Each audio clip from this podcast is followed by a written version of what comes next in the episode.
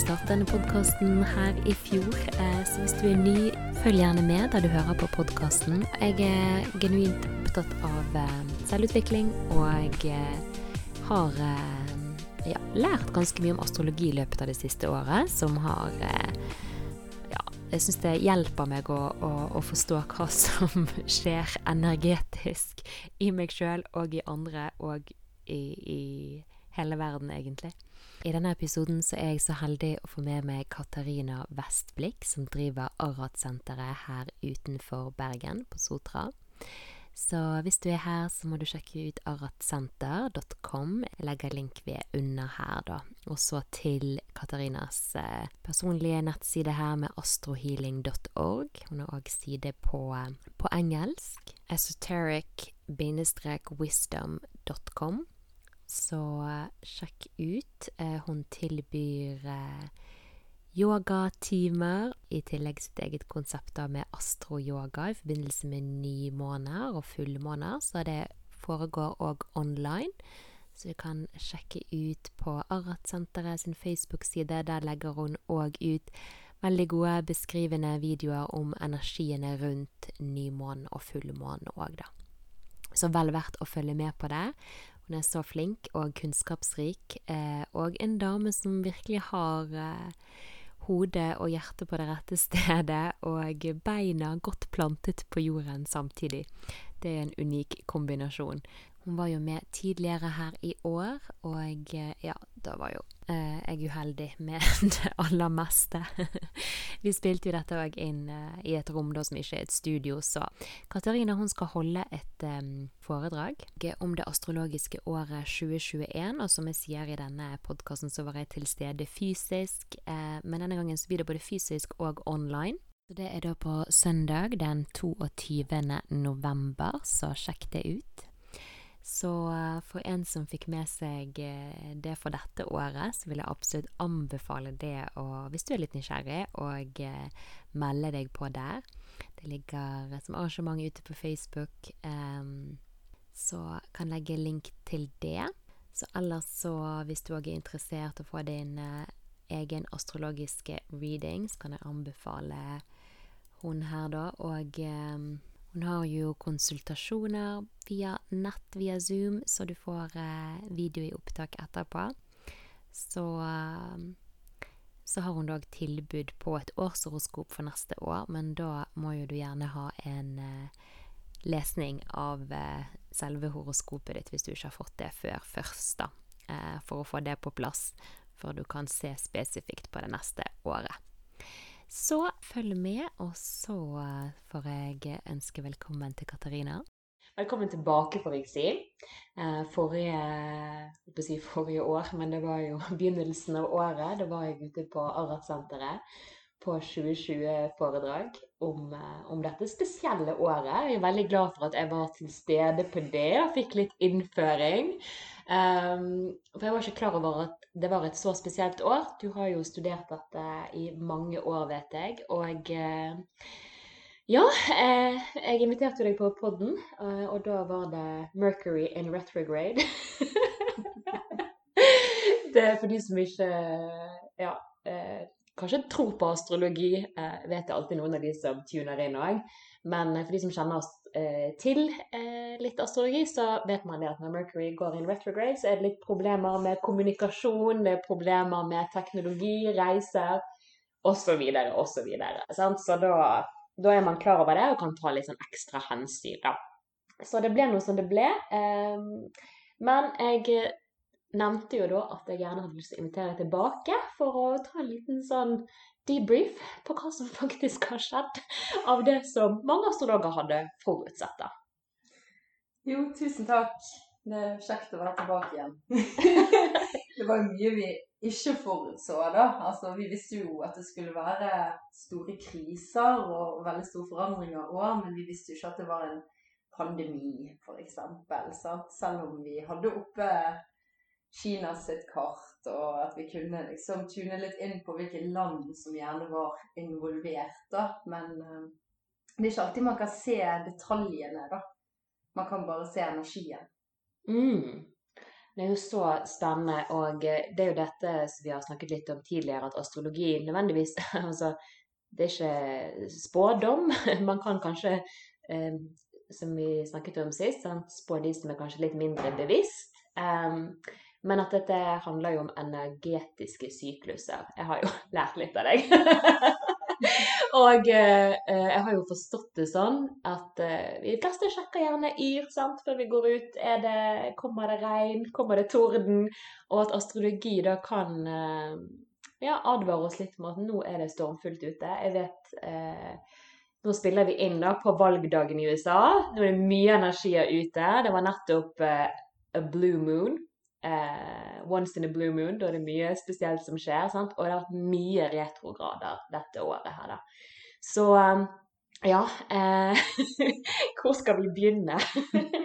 Vel, vi har kommet til november nå, da, og det er jo egentlig denne måneden der eh, veldig mange av disse retrogradene snur. da. Og eh, når en planet går retrograd, så er jo det egentlig bare en sånn astronomisk, optisk illusjon, da. Mm. Men det ser ut som at planetene beveger seg baklengs. Men energetisk så gjør de det. Så da handler det egentlig om at det er alltid noe vi må revurdere. Det er alltid noe vi gjerne må gjenoppleve. Det kan være forskjellige tilstander, selvfølgelig psyken vår. Mønstre som vi går igjennom. Så kommer vi liksom tilbake igjen til de mønstrene, eller tilbake til kåren av hvorfor det er sånn i det hele tatt. Sånn at vi da kan revurdere situasjonen var, forstå oss sjøl bedre. Og når det da snur, så kan man på en måte ideelt sett, hvis man da har gjort den jobben eh, frivillig da, og jobbet bakover, så kan man på en måte ideelt sett eh, få medfart. da, Og uten disse tingene som gjerne holder oss igjen fra å gå inn i fremtiden. da. Mm. Men selvfølgelig sånn kollektivt sett så kan jo man se at vi har jo gått tilbake igjen i en del gamle mønstre eh, som man kan, Hvis man kjenner historien, så kan man se mange tendenser, mange mønstre som kan være litt sånn skremmende. Det jeg håper, det er jo at vi lærer av historien vår eh, og kjenner ting igjen, sånn at vi da kan ta nye valg nå når alt snur. Men hvis det er sånn at vi har undertrykt veldig mye i den retrograde perioden, så fungerer det nesten mer som en sånn type katapult når det snur. Så blir det en sånn kjempemotreaksjon istedenfor. Og så før det på en måte stabiliserer seg, da. Spesielt når det gjelder Mars-retrograd. Det er vel den, egentlig den heftigste retrograden sånn sett da, mm. i år, fordi at den er i sitt eget tegn væren. Og den eh, snur jo nå 14.11, men den er på en måte ikke helt tilbake igjen der den snudde før i midten av januar. da. Og Mars er jo bl.a. krigsplaneten. Det er en veldig instinktiv planet. Det er alle reaksjonsmønstrene våre. Og når han er i sitt eget tegn, så blir han veldig sånn forsterket. da. Mm. Og den står også sammen med en planet som ikke alle er kjent med, som heter Eris. Den går da i bane utenfor Pluto. Og så lenge en planet beveger seg i fast syklus rundt solen, så er jo det per definisjon en planet. da. Men den er ikke akseptert som en planet, samme som Pluto. da. Eller den er, Det går litt frem og tilbake når det kommer til Pluto. Men i mytologiene så er disse to søsken, og så herjer de da slagmarkene sammen. Og så møtes de der eh, grytepunktet på en måte til selve slaget skjer, da. Der energien er sterkest. Og Eris det er en arketype som handler da om å trigge alt mørke som allerede er der, opp til overflaten, sånn at man da kan se det og gjøre noe med det. Hun får ofte skyld for at det er hun som skaper konflikten, men hun trigger egentlig bare opp skyggene til folk, da, sånn at de er nødt til å møte de sjøl. Men det som er veldig typisk det er jo at vi projiserer våre egne skygger på andre og skylder på noen andre istedenfor å eie de sjøl. Så kollektivt sett så er jo det på en måte litt der vi er nå. Um, og i tillegg så står jo disse to planetene har stått i kvadratur til Pluto. Eris har stått i kvadratur til Pluto i hele år. Og det er jo den som på en måte også drar alle skyggene opp til overflaten, drar alt opp med røttene, sånn at vi er nødt til å se på det. og så det er litt sånn klimaks denne måneden her. Eh, Mars snur da den 14. Men da får han da en sånn katapulteffekt. Så da kommer det an på. Det er jeg redd for at det skal eskalere angående vold og aggresjon og sånne ting, da. Men det kan også være en ting som gjør at folk er flinkere å gi beskjed og sette grenser og stå opp for det de tror på. Så kommer det an på hva verdier man har, og hva det er man kjemper for. Om det bare er seg sjøl og ego, eller om det er for hverandre, da. Mm. Ja, det er så spennende å, å, høre om også. Det er jo litt sånn Altså, jeg tror de fleste har følt seg kastet rundt dette året her, og ja eh, Kan alle ta et eh, langt utpust her? ja, prøver sjøl å bare holde tungen beint i munnen her. Um, men ja, dette med skyggesider, det er jo noe som uh, ja, Når man driver med personlig utvikling, kanskje, og innenfor det spirituelle, sånt, så er det mye lys og namaste. Litt lite vilje til å se på sin egen uh, dritt. Sant? Jeg liker så godt det der uh, sayinget med at nei, du peker fingeren på noen andre, så er det tre fingre som peker rett tilbake på deg sjøl. så nå når vi på en måte blir locked down, altså locked, låst inne, uh, om å sitte med greiene våre. Sånn. Vi kan ikke flykte ut, vi kan ikke drive og feste, vi kan ikke drive og reise, ta oss en svipptur. ja, sånn, så, så, kommer jo alt dette fram, da, og det blir jo intenst når man ikke driver aktivt med det som kalles faktisk skyggearbeid. Eh, og jeg vet du har jo astroyoga, da går du inn, lytter til kroppen. Um, og jobber jeg vet du og jobber sant, også med fullmåne eller nymåne, altså de energiene der, da, det er jo noe å anbefale, som, som du snakket om eh, sist. Dette her å finne altså redskaper. Sant? Hvis du ikke har drevet med meditasjon, altså litt egen personlig utvikling aktivt, så, så må jo vi nå ta i bruk eh, ja, ta i bruk det vi har i verktøyskassen, eller få inn noen nye verktøy som vi kan bruke. For ja eh, Jeg tror alle som lytter her, kan, kan kjenne seg igjen i det. Og ja, det er jo mange modaliteter og måter der ute. Men jeg syns jo dette med astrologi er jo veldig interessant som en som digger personlig utvikling, selv om det er skikkelig tøft. så har jo man lyst til å Iallfall jeg har jo lyst til å bli mitt, min beste versjon av meg sjøl. Altså hvordan jeg, kan jeg integrere, for vi alle lys og mørke. Sant? Og så hvordan kan jeg òg da integrere mine skyggesider. Uh, sånn at du, du ser sant, det du gjerne dømmer i andre. bare OK, jeg har det i meg sjøl. Jeg, jeg, lar den personen få lov til å ha sin erfaring, få gjøre sine greier her, og så tar jeg ansvar for meg sjøl. Det er jo dette du kommer litt inn på, og som jeg syns er noe, da, ja, noe av det viktigste å gjøre dette året her. Ja, det er, jo, det er å finne en mellomting der òg. Av og til så er folk faktisk bare drittsekker òg. Eh, og må, trenger å få høre det. Sant? Så det, man kan også falle for mye over på andre siden av at hver gang man reagerer på noe, så må man eie det sjøl, og så kanskje man gir beskjed. Sant? Så dette er en mellomting. Eh, og det alt dette Mars-greiene handler om Vi har tillegg eh, Kiron der, som er sjelesåret vårt.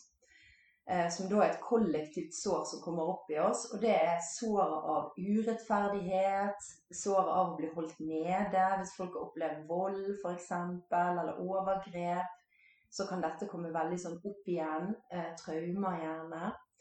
Det er også langt tilbake igjen fra tidligere liv der du har blitt brent eller henrettet.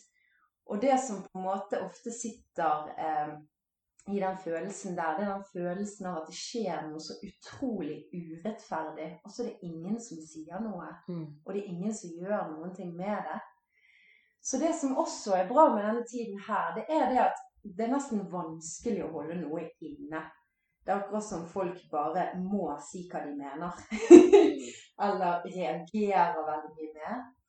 Og sånn som jeg ser på det å være spirituell, så handler det egentlig om å være bare ekte om å være den du er, eh, med alle dine feil og mangler, og ikke prøve å være eh, noe mer enn det du er, eller ikke prøve å ha kommet så mye lenger enn der du har kommet.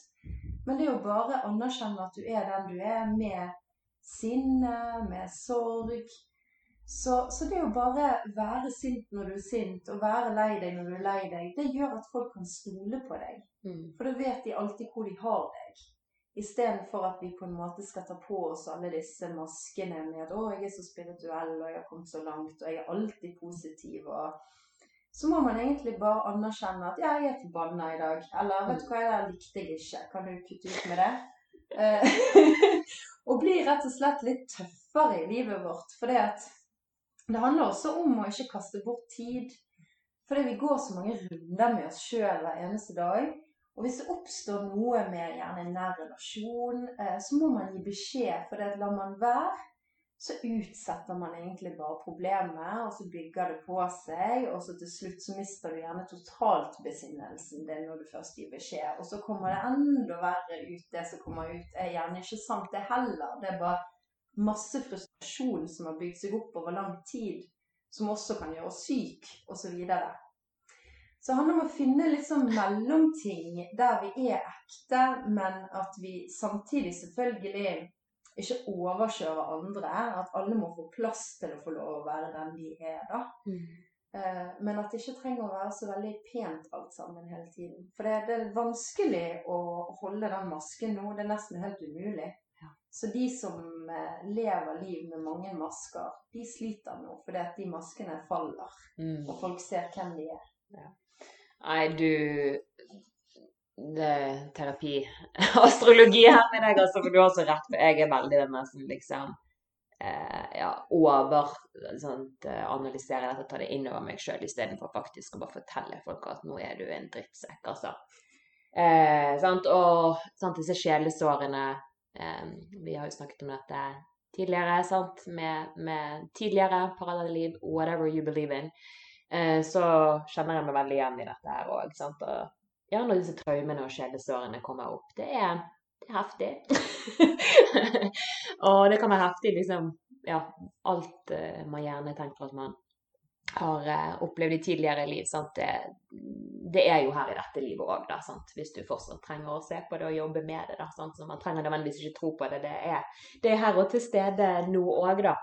Uh, men det gir iallfall meg en litt sånn dypere forståelse for hvorfor den smerten er så hinsides forferdelig. um, ja, nei, men uh, det som jeg tenkte på uh, å komme inn på, det var jo litt dette her med i astrologien, disse arketypene. Uh, sant, det er jo basert på disse tolv arketypene, og vi har jo vært inne på dette tidligere med astrologirasisme.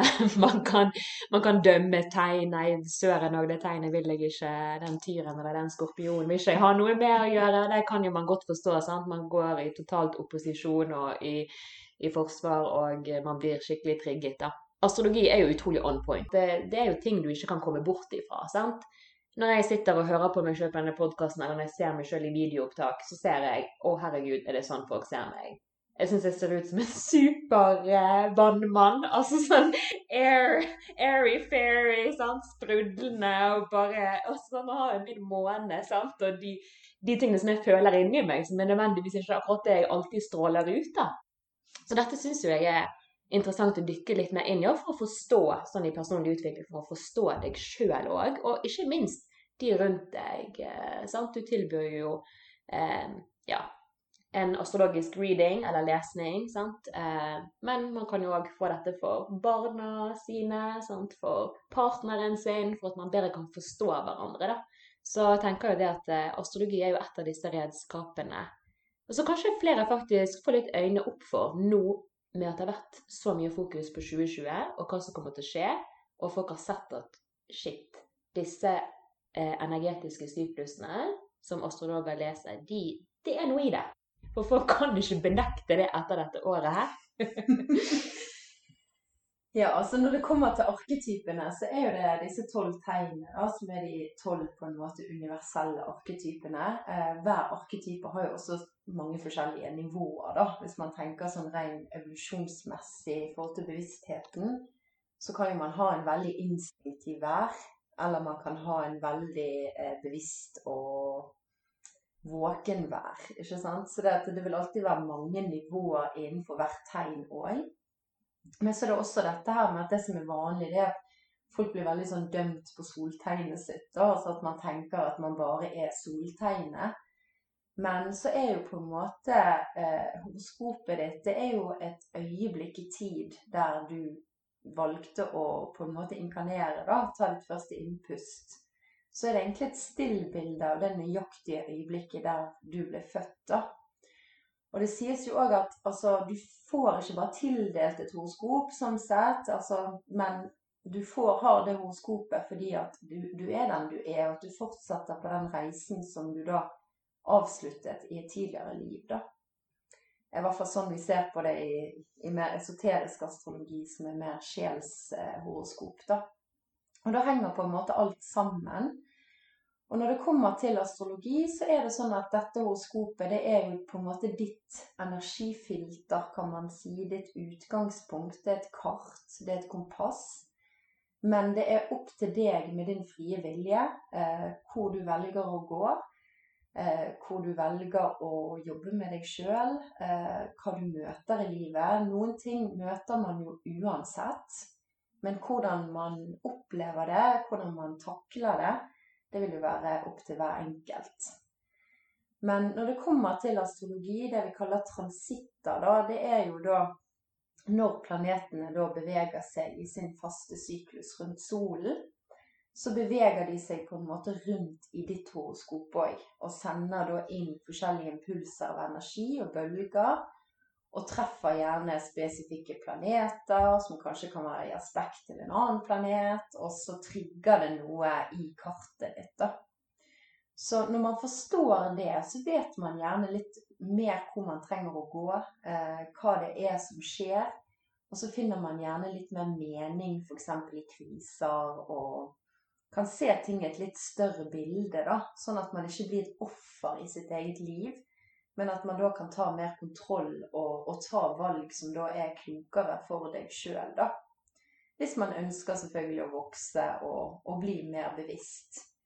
Så til slutt, hvis man er på en måte type opplyst eller eh, fullt bevisst, så vil jo planetene sånn sett slutte å påvirke deg så mye emosjonelt og, og kaste deg rundt. da. Så da vil du på en måte være mer i fred i deg sjøl og i senter, uansett hva som skjer rundt deg, sånn sett. da. Mm. Men det som er med astrologi, sånn som jeg ser på det òg, så er det litt sånn at det skjer mye hele tiden, men at selve astrologien, eller den syklusen, og det er på en måte en del av de kosmiske lover, da. Så når vi går inn på på en måte lys og mørke, og hva som er godt og hva som er ondt, og sånn, så er det for en esoteriker per definisjon det som er ondt, det er på en måte det som går imot de kosmiske lover. Eh, at man jobber imot flyten istedenfor å finne en måte å på en måte flyte med, da, sånn at vi kan gå opp en spiral og ikke stagnere og på en måte gå i, mot energien. da. Og det er ofte sånn i sykluser at det som var toppen av det gode i en syklus, blir gjerne det onde i neste syklus. For da er det gjerne den energien som holder igjen. Sant? Mm. Så hva som er godt og vondt, det skifter egentlig hele tiden. Mm. Mm. Nei, det er utrolig interessant, altså. Jeg sa det, jeg hørte på denne forrige episoden. Jeg bare Jeg kan høre på deg ut i evigheten! Så mye å lære her, da. Og ja, det er jo liksom Altså, jeg føler nesten det er en, en ja, det finnes mange ulike former for terapi der ute, men det å liksom eh, For meg personlig, da, så må jeg si det der at eh, astrologi, eh, det har jo gitt meg en ny dimensjon i livet. For å forstå meg sjøl bedre òg, da. Det er sånn som du sier, liksom et, et, et kart da, sant, med kompass som man kan manøvrere det. Um, jeg har alltid syntes det er så spennende. Vi har jo alle fri vilje, sant, som du sier. Det kommer jo an på hvor bevisst man er i forhold til ting. Men det er jo enkelte ting som er timet og tilrettelagt som ligger der. Sånn, altså Viktige eventer i livet ditt, og viktige møter. Altså, Det syns jeg er superspennende. Ja, da absolutt. Eh, man har jo veldig unike ting som skjer i horoskopet, som gjerne bare skjer én gang i løpet av livet, og veldig store ting òg, da. Men igjen så kommer det an på hvordan man da eh, reagerer på det. Og hvilken valg man tar. sant? Man kan gjerne se i horoskopet ok, du har en mulighet nå til å virkelig manifestere partneren i livet ditt fordi at alt peker liksom på kjærlighetshuset ditt. og men hvis du bare sitter hjemme og med dørene igjen og ikke snakker med noen og ikke tar telefonen, så skjer jo det selvfølgelig ikke. kommer ikke dettende inn pipen, liksom. Sant? Så dette kommer alltid an på eh, hva man gjør med det. Mm. Men man kan se mulighetene, sant. At OK, jeg skal f.eks. starte en business, sant. Så starter man gjerne en business eh, bevisst med gode transitter, f.eks. Mm. Som da kan løfte opp den jobben du ønsker å, å gjøre. Og hvis man ikke vet om det, så kan det hende man åpner på en helt katastrofal dag. Sant? Så det er fordi at alt har et horoskop. sant? Alt har en fødsel, alltid. Mm. Uansett hva det er for noe. Så det, det handler om det som står gjerne ja, f.eks. i tempelet i Delfi 'Kjenn deg sjøl'. Man må kjenne seg sjøl. Når man virkelig gjør det, så har man ikke så veldig mange problemer lenger. For man har alltid seg sjøl, man vet hvem man er. Man kan være ærlig, man trenger ikke å undertrykke noe, man trenger ikke å være noe annet. Og når man virkelig har seg sjøl, så har man også mye mer å gi Mm. til alle rundt seg. Og mye mer ja, ting å inspirere med og dele med sine medmennesker. Da. Hvis man ikke finner sin plass, så kan jo man på en måte hoppe inn og ut og ikke helt vite hvor man står, og forvirre seg sjøl og andre. Og, ja, så det handler jo først og fremst om å kjenne seg sjøl, og derifra gi til, Mm. til andre. Ja. Nei, eh, så som de som hører på, forstår sikkert at her kan man eh, ja, eh, få litt hjelp til å utvikle seg videre, da. Altså kjenne seg sjøl, sant. Det er jo det. Um, men det har jo skjedd ekstremt mye dette året her, sant. Eh, eh, og det er jo veldig mye å gå inn på. Jeg har jo vært på dette foredraget, du la jo det ut òg på nett, sant. Og nå skal jo du ha et nytt foredrag om året 2021. Så jeg tenker jo at her eh, Nå har du fått litt innføring, eller kanskje eh, er litt mer interessert eh, i forhold til dette året som har vært, og faktisk sette deg inn i det. Så da må du gå inn på nettsiden til eh, Katarina. Jeg legger alle linker ved under her. sant? Ja. Eh, Ja. Så det er jo da fysisk eh, oppmøte, sant? og så er det òg online. Du har jo hatt mye online. Det har jo vært eh, 22. november. sant? Mm. Så um, her um, Det er jo mye transitter igjen dette året her. Og jeg var jo da med på et av disse eh, om den store konjunksjonen online. Sant? Dette har jo vært året for online aktivitet. Det var jo noe som var et frempek og eh, i eh, på verdenskartet, hvis man kan si det sånn. sånn. Dette her med òg immunforsvaret var du litt inn på. Og så blant annet eh, Det er mye ting å ta opp her, egentlig, da. Eh, men eh, ja. Jeg vet ikke om du vil si noe til det. Altså, det har vært et utrolig heftig år, eh, som nå selvfølgelig nærmer seg slutten, da. Og dette året her, år 2020, det er på en måte et slags grytepunkt. Eh, en kulminasjon av flere store sykluser, egentlig, da. Der vi bl.a. da avslutter nå en 200-årssyklus eh, med fokus på jordelementet, som da handler om selvfølgelig materialisme og penger og makt, eh, men også det å på en måte bygge seg opp og eiendom og alt dette fokuset her, da. Og dette skifter da 21. desember, og da går vi over i luft. Så dette er bl.a. en av de tingene som skjer 21. desember. Det er det at det er konjunksjon, da, perfekt konjunksjon mellom Jupiter og Saturn, som skjer på nøyaktig null grader vannmann på vintersolverv. Eh, Fantastisk symbolikk. på den mørkeste dagen i året når lyset da kommer tilbake igjen til oss, så får vi da denne konjunksjonen på null grader i det tegnet som vi på en måte er på vei inn i nå, da, i en ny tidsalder. Mm. Så det at jeg vil si at det er en, en veldig stor overgang inn i en ja, auraen av den tidsalderen. Det er fortsatt noen hundre år igjen til vi faktisk er der, men det er ofte midt imellom to tidsaldre at de store kampene skjer, da. Noe som vi absolutt kan se. Jeg ser det overalt. Det, jeg tenker alltid med astrologiske briller når det kommer til politikk og alt, egentlig, da. Og vi er på vei ut av fiskenes tidsalder, som da handlet bl.a. om tro, følelser, eh, religioner egentlig i seg sjøl, da. Og kristendommen er jo egentlig et veldig sånn sterkt symbol på, på fiskenes tidsalder og, og, Jesus og alt dette her, da. Og selvfølgelig skal ikke vi forkaste den tidsalderen vi er på vei vekk ifra. Vi trenger fortsatt å ha tro og håp eh, og mening i livet vårt for å komme oss videre. Men når vi går inn i vannmannen, så handler det mye mer om vitenskap, teknologi, at man ikke bare skal tro helt blindt på noe, men man må faktisk eh, ta ansvar for sin egen lærdom, studere, sette seg inn i ting eh, og vite, rett og slett. Mm. Så det handler jo selvfølgelig om mer oppfinnelser og, og, sånne ting.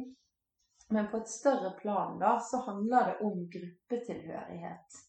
Istedenfor å på en måte legge på en måte skjebnen sin i hendene på Gud, eller på en måte en større eh, hersker, da, så er vi nødt til å gjøre det sjøl sammen i grupper. Og det kan være selvfølgelig menneskeheten som en gruppe, men det vil også gjerne manifestere seg eh, først som organisasjoner eller grupper som gjerne går på tvers over landegrenser. da.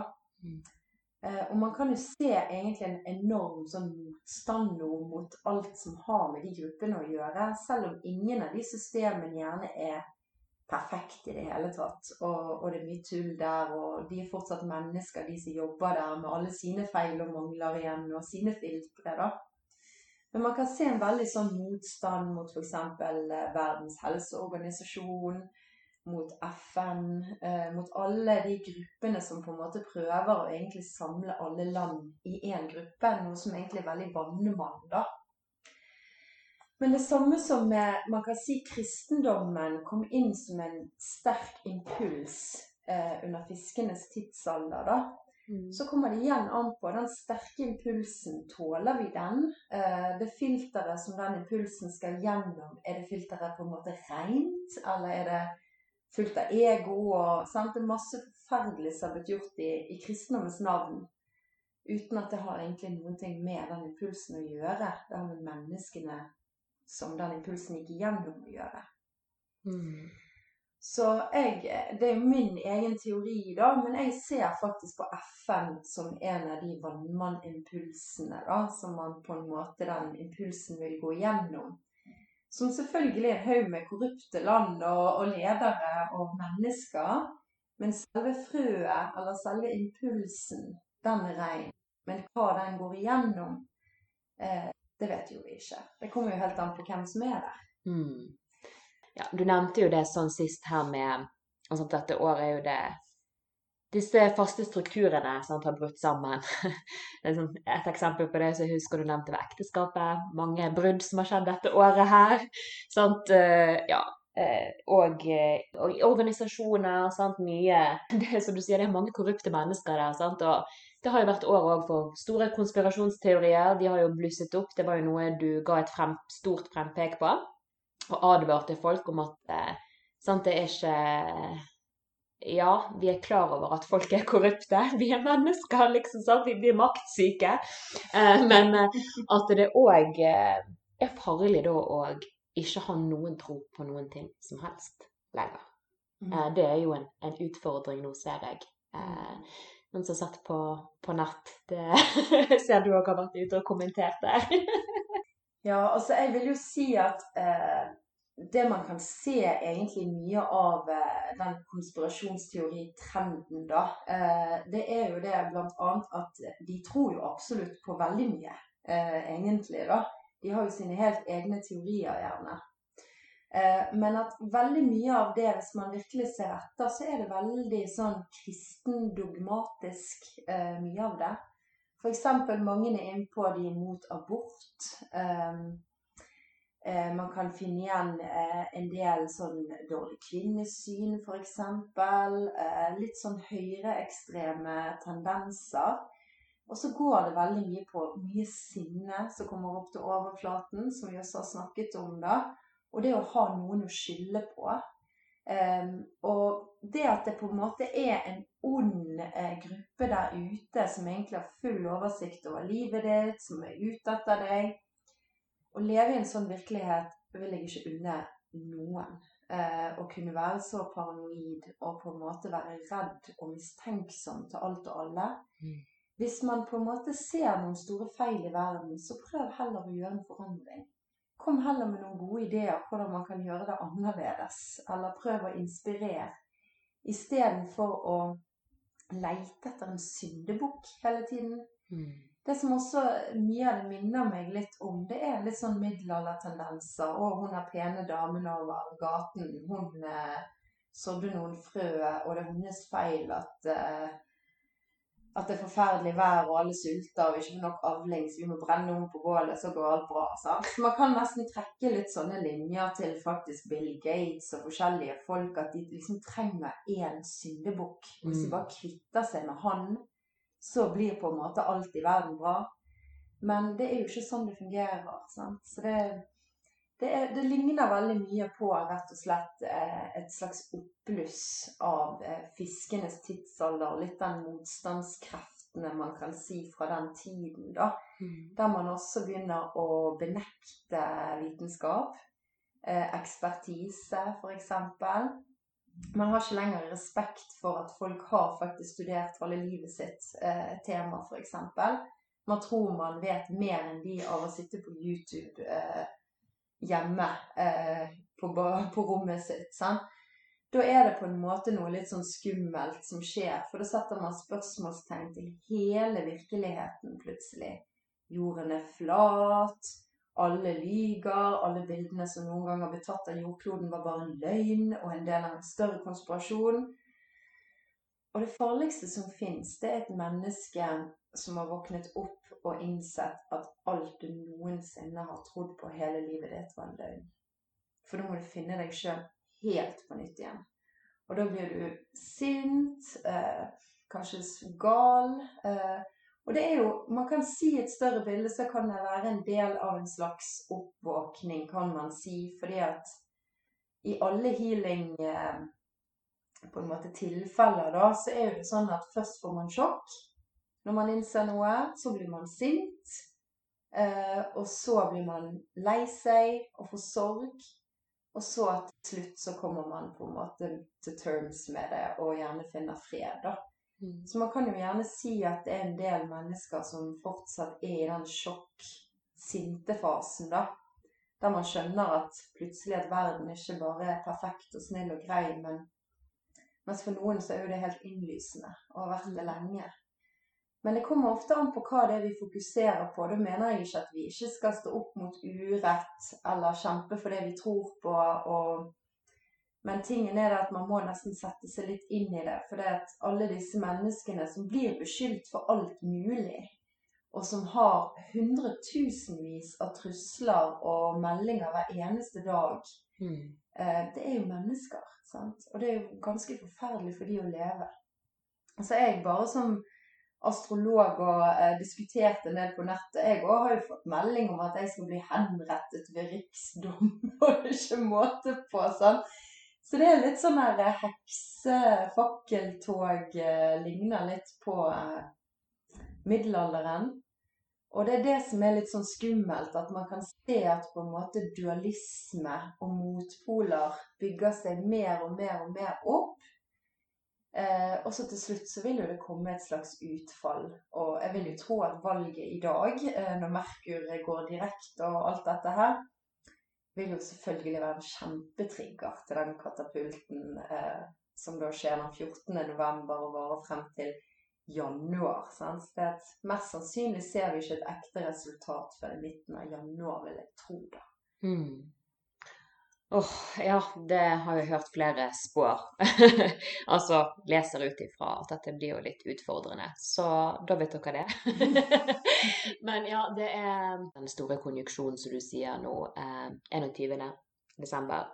Eh, sant, jeg hørte jo litt i dette online-foredraget. Det jeg dro ut av det, er det liksom at det kanskje blir en slags ny renessanse, som du sier, den nye tidsalderen vi går inn i, kanskje nye oppdagelser og oppfinnelser. Det er jo så spennende. Noe helt nytt kanskje som vi aldri har, uh, har sett før her på jordet. Det er jo veldig spennende. Disse ulike syklusene, da. Så eh, absolutt få med dere det online-eventet for de som er mer interessert i det.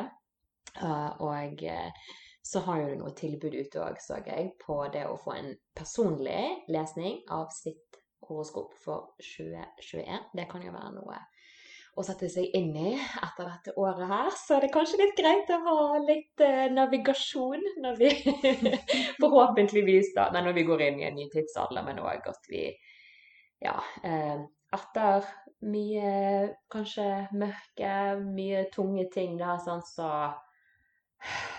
ja, kommer, eh, kommer solen, da. Ja, altså Med denne store konjunksjonen da, så, så, er det på en måte et veldig sterkt lys eh, som kommer inn til menneskeheten. Og man kan si at det været som på en måte skifter da, er et vær vi aldri har følt på i, i de kroppene vi har nå. da. Det er 600 år siden forrige gang eh, vi, vi, var i lufta. Um, og selvfølgelig, det kan være oppfinnelser som ganger hele menneskeheten. At kanskje vi begynner å på en måte bruke teknologi på en mer eh, human og, og menneskelig måte. da.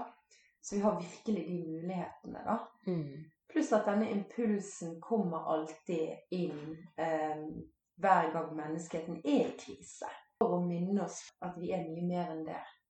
Og at ut av kriser så kommer det alltid bevissthet Mm. Eh, vi blir alltid klok av kriser. Det er da vi utvikler oss mest. Så sånn sett kan vi se på dette som en slags eksamen.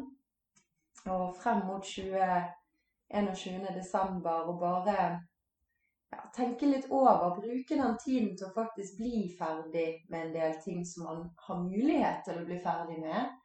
Eh, si det som det er. Kalle en spade for en spade. Eh, prøve å på en måte bare være den du er. Hvis folk er mer ærlige og ekte generelt sett, så går det bare så bedre. Mm. Selv om det gjerne er ting folk ikke vil høre, så fra et større perspektiv så vil man alltid egentlig ha sannheten. Og vi skal ha et ritual den 21.12. på Arrat, så alle er velkommen. Det blir et lite foredrag, så blir det et ritual med musikk. Og hvis det er mulig, eh, og opplett, skal vi ha noen store teleskoper der òg, sånn at det går an å se litt på himmelen og sånn.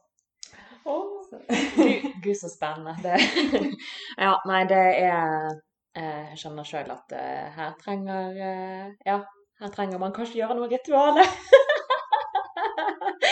ja, det høres så fint ut. Så ja, alle hjertelig invitert der, som eh, dere fikk med dere.